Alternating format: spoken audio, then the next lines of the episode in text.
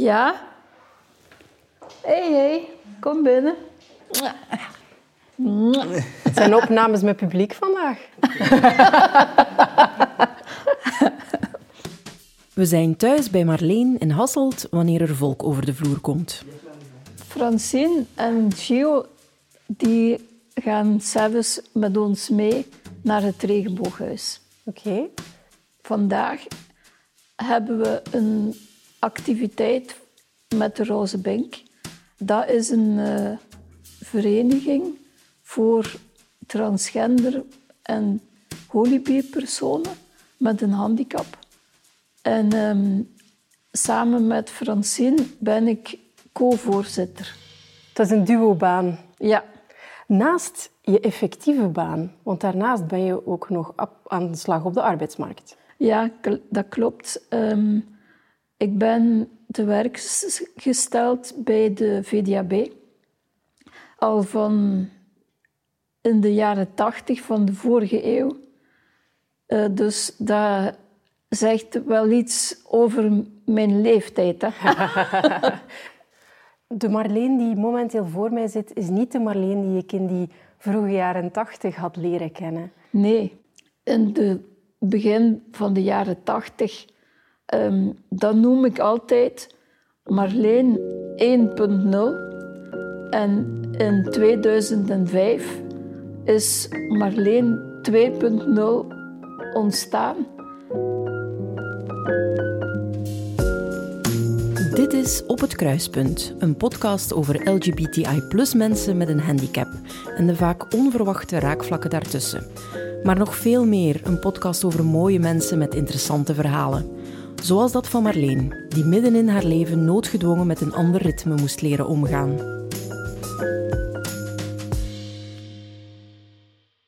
Zo'n 18 jaar geleden werd Marleen vanuit het niets getroffen door een beroerte. Ik heb een eh, hele zware CVA gehad, een herseninfarct, op mijn 42ste.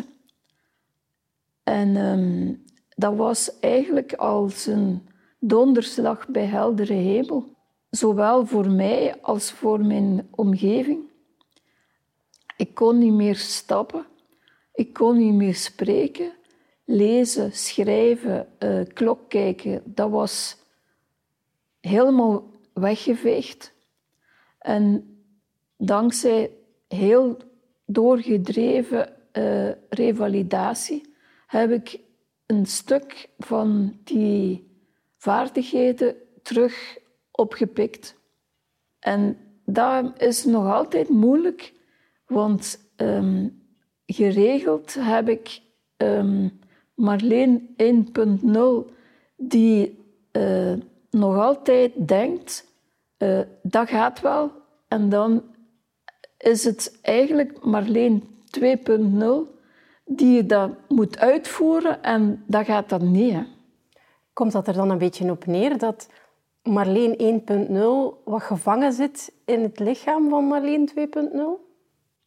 Ah, wel, zo had ik het nog niet bekeken, maar eigenlijk, dat klopt, ja. Ja. Je hebt je zo net in een rolstoel gezet, omdat het voor jou comfortabeler was. Ja. Welke impact hebben de gevolgen van jouw CVA momenteel nog op jouw dagdagelijkse leven? Ehm, die rolstoel heb ik niet altijd nodig, want eh binnenshuis stap ik gewoon rond. Weliswaar niet zo vlot als ieder ander. Jullie ehm, stappen zonder bij na te denken. En ik moet altijd nadenken. Het is een, een bewuste gedachte van ik ga deze stap zetten. Ja. Ehm buitenshuis neem ik meestal de scooter, allee, de scootmobiel. En ehm, daar chase ik heel Hasselt mee rond. Samen met de Benidorm Basters, namelijk Francine. en ehm, Maar verplaatsingen zijn nog niet zo evident. Hè? Welke impact heeft dat daardoor op jouw leven? Goh, Vroeger eh, kon ik met de auto rijden. En sinds mijn CVA met een rechtszijdige verlamming ben ik grotendeels aangewezen op het openbaar vervoer. Maar ehm, dat is echt een uh, pijnpunt. Hè? Want op de voertuigen van de lijn, de trams en de bussen, mogen scootmobielgebruikers niet meer. En uh, natuurlijk wel de rolstoelgebruikers, die wel. Maar um, met een uh, manuele rolstoel kan ik niet tot aan de bushalte geraken. Mm -hmm. Dus dat is geen optie voor mij. Mm -hmm. um, de trein is ook moeilijker.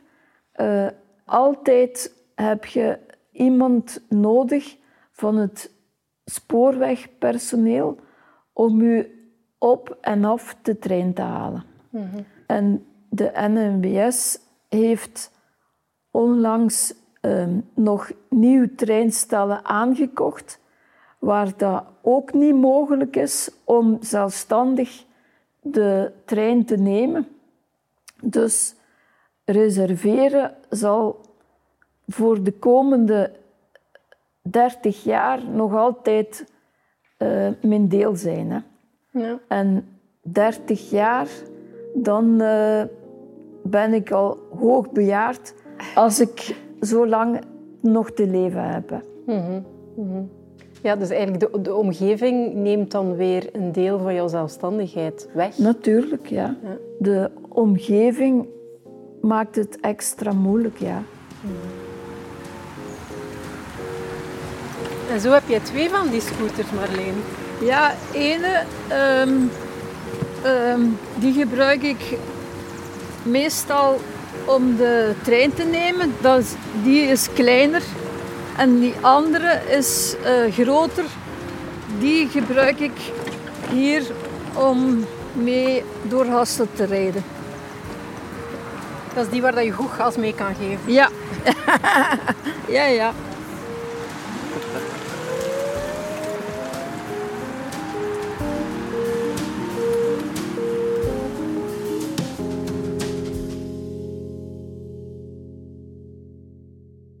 Voor de rest, um, mijn cognitieve vaardigheden zijn een beetje teruggekomen, maar niet um, zoals vroeger.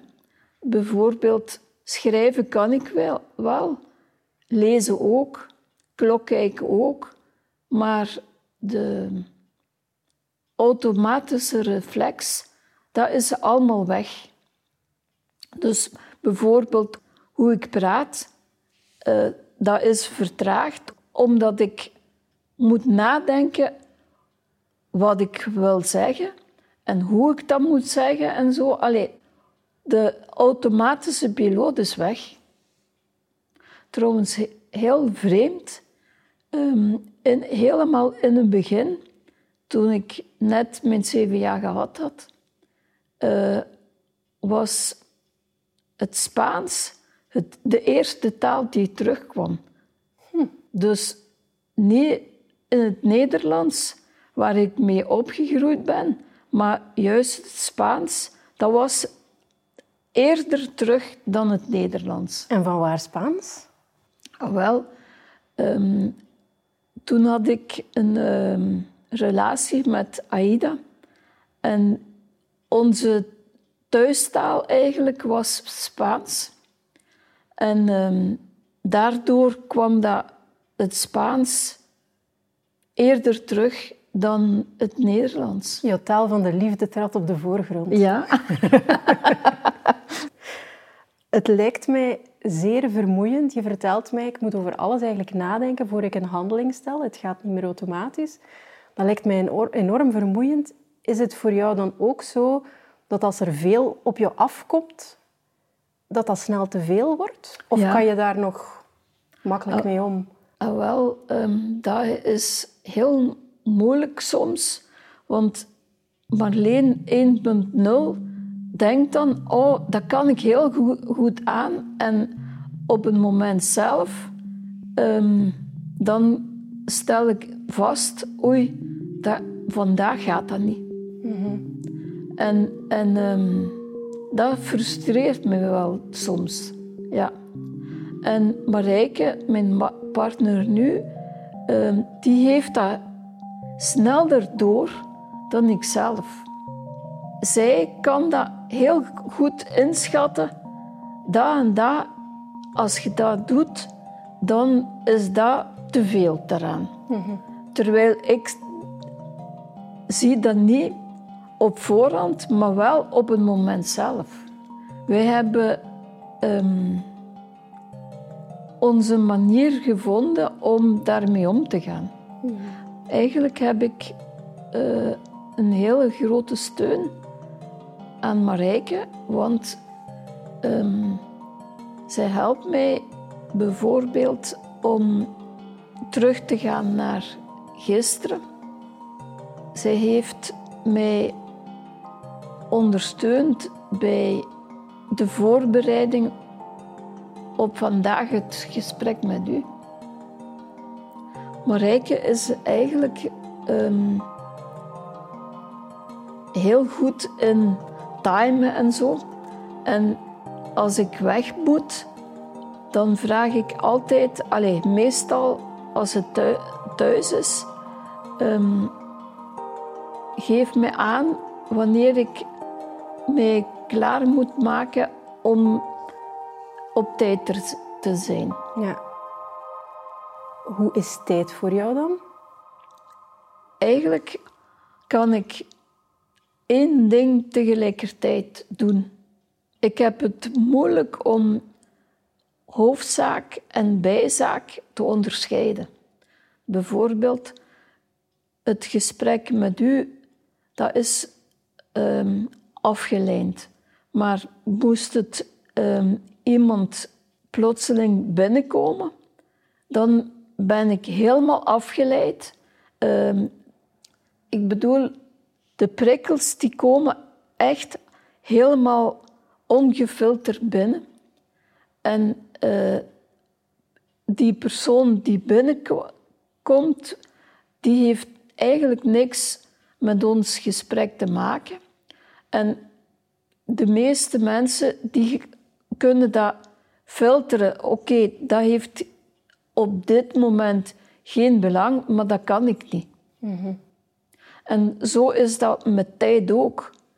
Ik heb het heel moeilijk om tijd in te schatten en de langetermijnplanning, dat is heel moeilijk voor mij. Ja. ja. En daarom is het ook belangrijk om uh, toch een soort planning te hebben. Uh, want dat heb ik nodig om te werken en mijn andere activiteiten ook te doen. Hè. Ja, want je, je bent wel een zeer bezige bij. Hè? Mm -hmm. je, je, hebt niet enkel je werk, je hebt niet enkel de roze bink, je bent nog geëngageerd in tal van andere mhm. activiteiten. Hoe, hoe, hoe doe je dat? Hmm. Hmm. Eigenlijk een beetje, ik mag dat wel zeggen, roofbouw plegen op mezelf. En dan, uh, als ik het te bond gemaakt heb, dan ben ik één of twee dagen volledig oud. Mm -hmm. En dan denk ik, ah ja, eigenlijk heb ik de voorbije dagen heel veel gedaan en nu is dat normaal dat ik uh, niks meer kan. Wat mij heel fel op mijn zenuwen werkte, was dat ik altijd van alles uit handen moest geven wat ik eigenlijk niet wilde. Mhm. Bijvoorbeeld de um, verpleegkundige in het revalidatiecentrum, die wouden mij helpen met het dagelijks toilet, terwijl ik in de um, ergotherapie van alles aan het leren was om dat zelf te doen. Ja. Maar ik heb altijd in mijn gedachten gehad, niet betuttelen. En ik kon dat niet uitgelegd krijgen, dat woord betuttelen, dat kon ik niet uitgesproken krijgen. En de logopediste heeft me dat helpen terug uitspreken. En dat was een van de eerste woorden, moeilijke woorden, die ik onder de knie wou krijgen, omdat dat zo ehm, belangrijk voor mij was tegenover de personeelsleden van het ziekenhuis, maar ook tegenover mijn omgeving. Die wouden altijd maar mij met van alles helpen, terwijl ik eigenlijk, ik wou dat zelf proberen.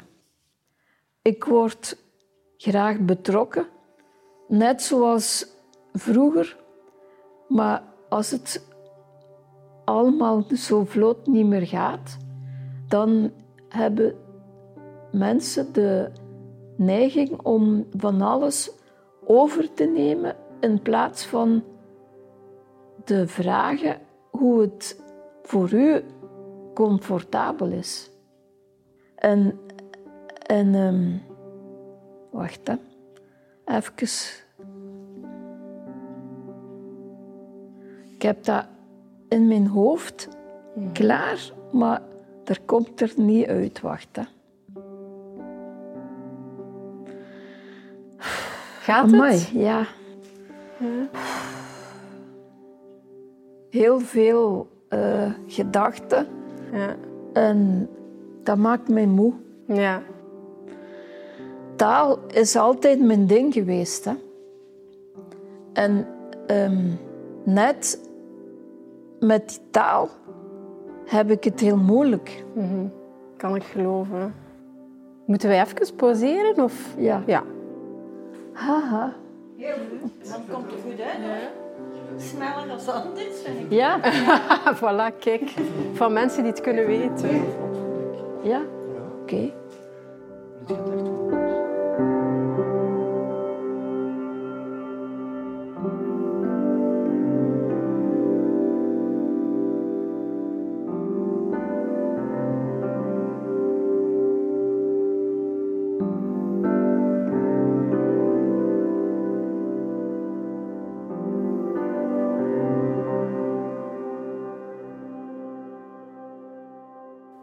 Hebt een, je hebt een hele, hele lange weg afgelegd, hè? Ja.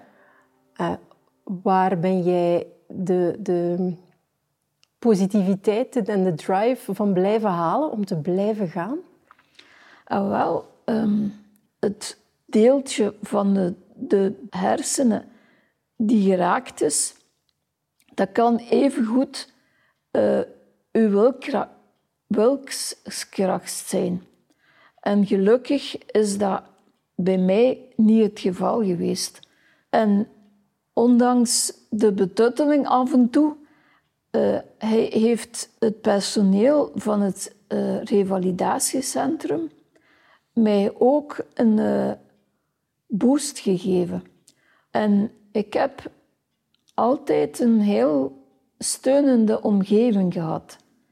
Dus die drie samen uh, dat heb ik alle, alle drie in mijn voordeel kunnen gebruiken. En daarom sta ik waar ik nu sta. Op dat moment woon jij samen met een vrouw. Mm -hmm. In die tijd ook nog altijd minder evident dan de dag van vandaag. Je hebt daar waarschijnlijk ook in moeten vechten. Natuurlijk, ja.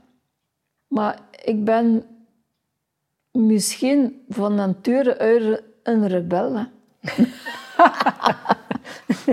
ja, um, ik heb altijd een niet evident pad bewandeld. Ik was al actief in de feministische vrouwenbeweging. En op mijn vooraan in de twintiger jaren ben ik er meer en meer bewust van geworden dat ik eigenlijk voor vrouwen kies. En ehm, dan ben ik gaan samenwonen met Aida en Alvaro, die buitenlandse roots hadden of hebben. En toen ik dat CVA kreeg, dacht ik onmiddellijk, amai, handicap, oké, dat is iets waar ik nog niet mee geconfronteerd ben. Oké, dan maar er ook nog bij. en ik ben uh, op zoek gegaan naar een organisatie die mijn waarden en normen um, die paste daarbij. En daar ben ik terechtgekomen bij GRIP VZ2. Dat is een uh, organisatie die voor en door mensen met een handicap opgericht is en strijdt voor uh, inclusie. Mm -hmm. En door hun eigenlijk heb ik meer en meer zelfvertrouwen gekregen in Marleen 2.0. Je zegt heel duidelijk voor en door mensen met een handicap. Als je in je nieuwe realiteit wakker wordt en de dingen gaan allemaal niet zo goed en je komt in een medische context terecht, in welke mate is het dan mogelijk voor jou om voor jouw rechten, wensen op te komen? Dat is een heel belangrijke vraag en het antwoord is zo complex. Um, ik ga dat duidelijk maken aan de hand van een voorbeeld. Een van de eerste dagen in het revalidatiecentrum heb ik een uh, intake gehad. En natuurlijk, ik kon niet spreken. Dus hebben ze gewacht tot er bezoekers kwamen, namelijk mijn mama en Aida. Mhm. En een van de eerste vragen was: En uw man? En dan dacht ik, holy shit, zou ik dat zeggen of zou ik dat zwijgen?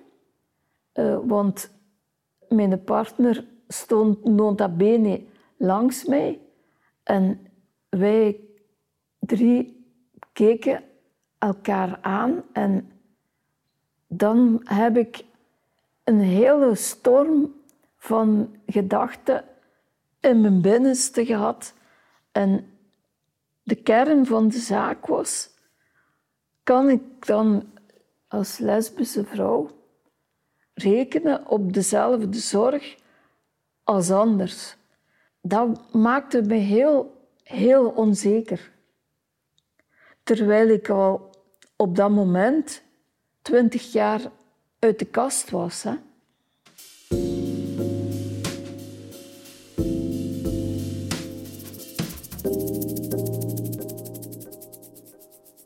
Bij revalidatie is het vaak zo dat ze mensen terug functioneel krijgen. Mhm. Maar ik kan mij voorstellen dat met wat jij hebt meegemaakt, dat dat ook een grote invloed had op hoe dat jij intimiteit beleeft. Ja, natuurlijk. Hoe is dat dan bij jou geëvolueerd? Wanneer kwam dat weer aan de orde? Ah, wel, vrij rap eigenlijk. Ik heb vrij snel um, de weekenden thuis mogen doorbrengen. En um, heel veel vragen wierpen zich in één keer op. Hoe moet dat dan? En zou dat wel veilig zijn, fysiek gezien?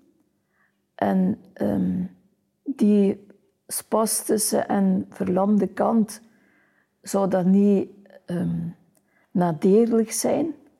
En toen had ik besloten om dat aan de verpleegkundige of de dokter te vragen.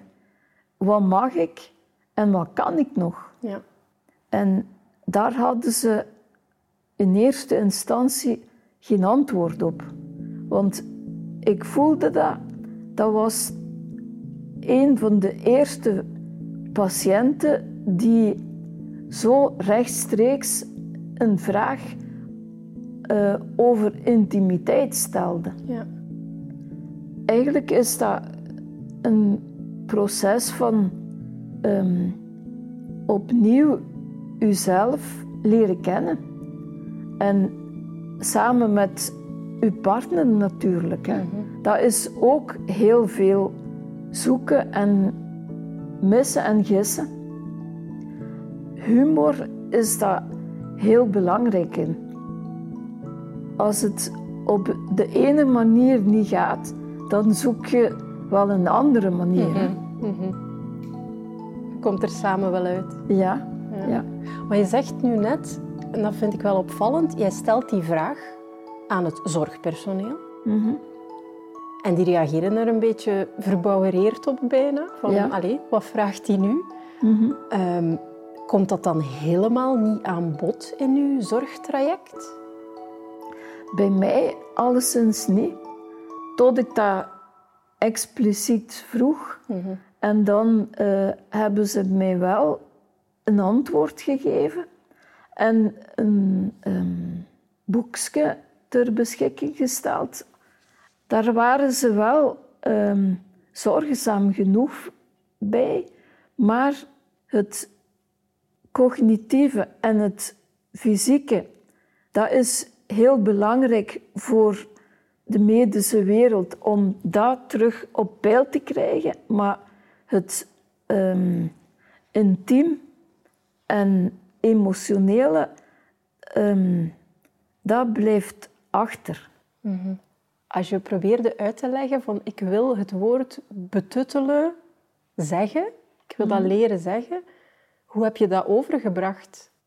Eigenlijk de logopediste, die is daarop getraind om toch communicatie te krijgen met mensen die heel moeilijk uit hun woorden komen. En die was heel bewust daarvan dat ik dat niet wilde. En door een stukje van dat woord te kunnen zeggen, is zij daarachter gekomen, ah, dat was het dat je wilde zeggen. Ja. En dan hebben we daarop geoefend.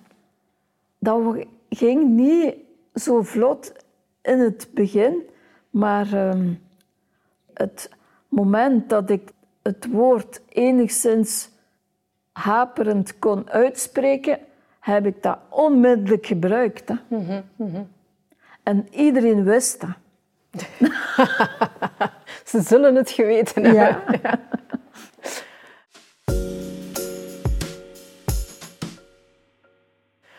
Marleen, zijn er nog dingen die jij heel graag wil delen met ons? Ja, ik besef heel goed dat ik in een luxe positie zit. Ik heb een netwerk, vrienden, familie, eh, partner, die allemaal er voor mij zijn. En ik heb een werkgever die inclusief is. En ik heb vrijwilligerswerk bij Grip en bij de Roze Bink, die mij op mijn waarde proberen in te zetten. Ik besef heel goed dat dat allemaal een geluk is. Daarmee zou ik wel willen afsluiten. Ehm, ik heb een goed leven en dat omarm ik ook. Heel mooi. Goed. Dankjewel. absoluut, absoluut.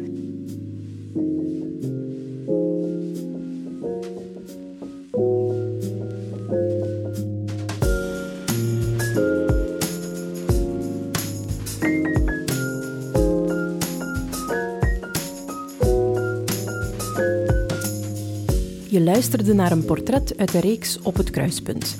Mijn naam is Mij van Wallegem. Heel erg bedankt aan Marleen om haar verhaal te delen. Op het Kruispunt is een productie van Playbird in opdracht van Savaria en met de steun van het Fonds De Warmste Week. Savaria streeft samen met hun partners naar meer inclusie voor LGBTI-mensen met fysieke, mentale, verstandelijke of zintuiglijke beperkingen. Alle info over de podcast en het bredere project kan je vinden op savaria.be-kruispunt.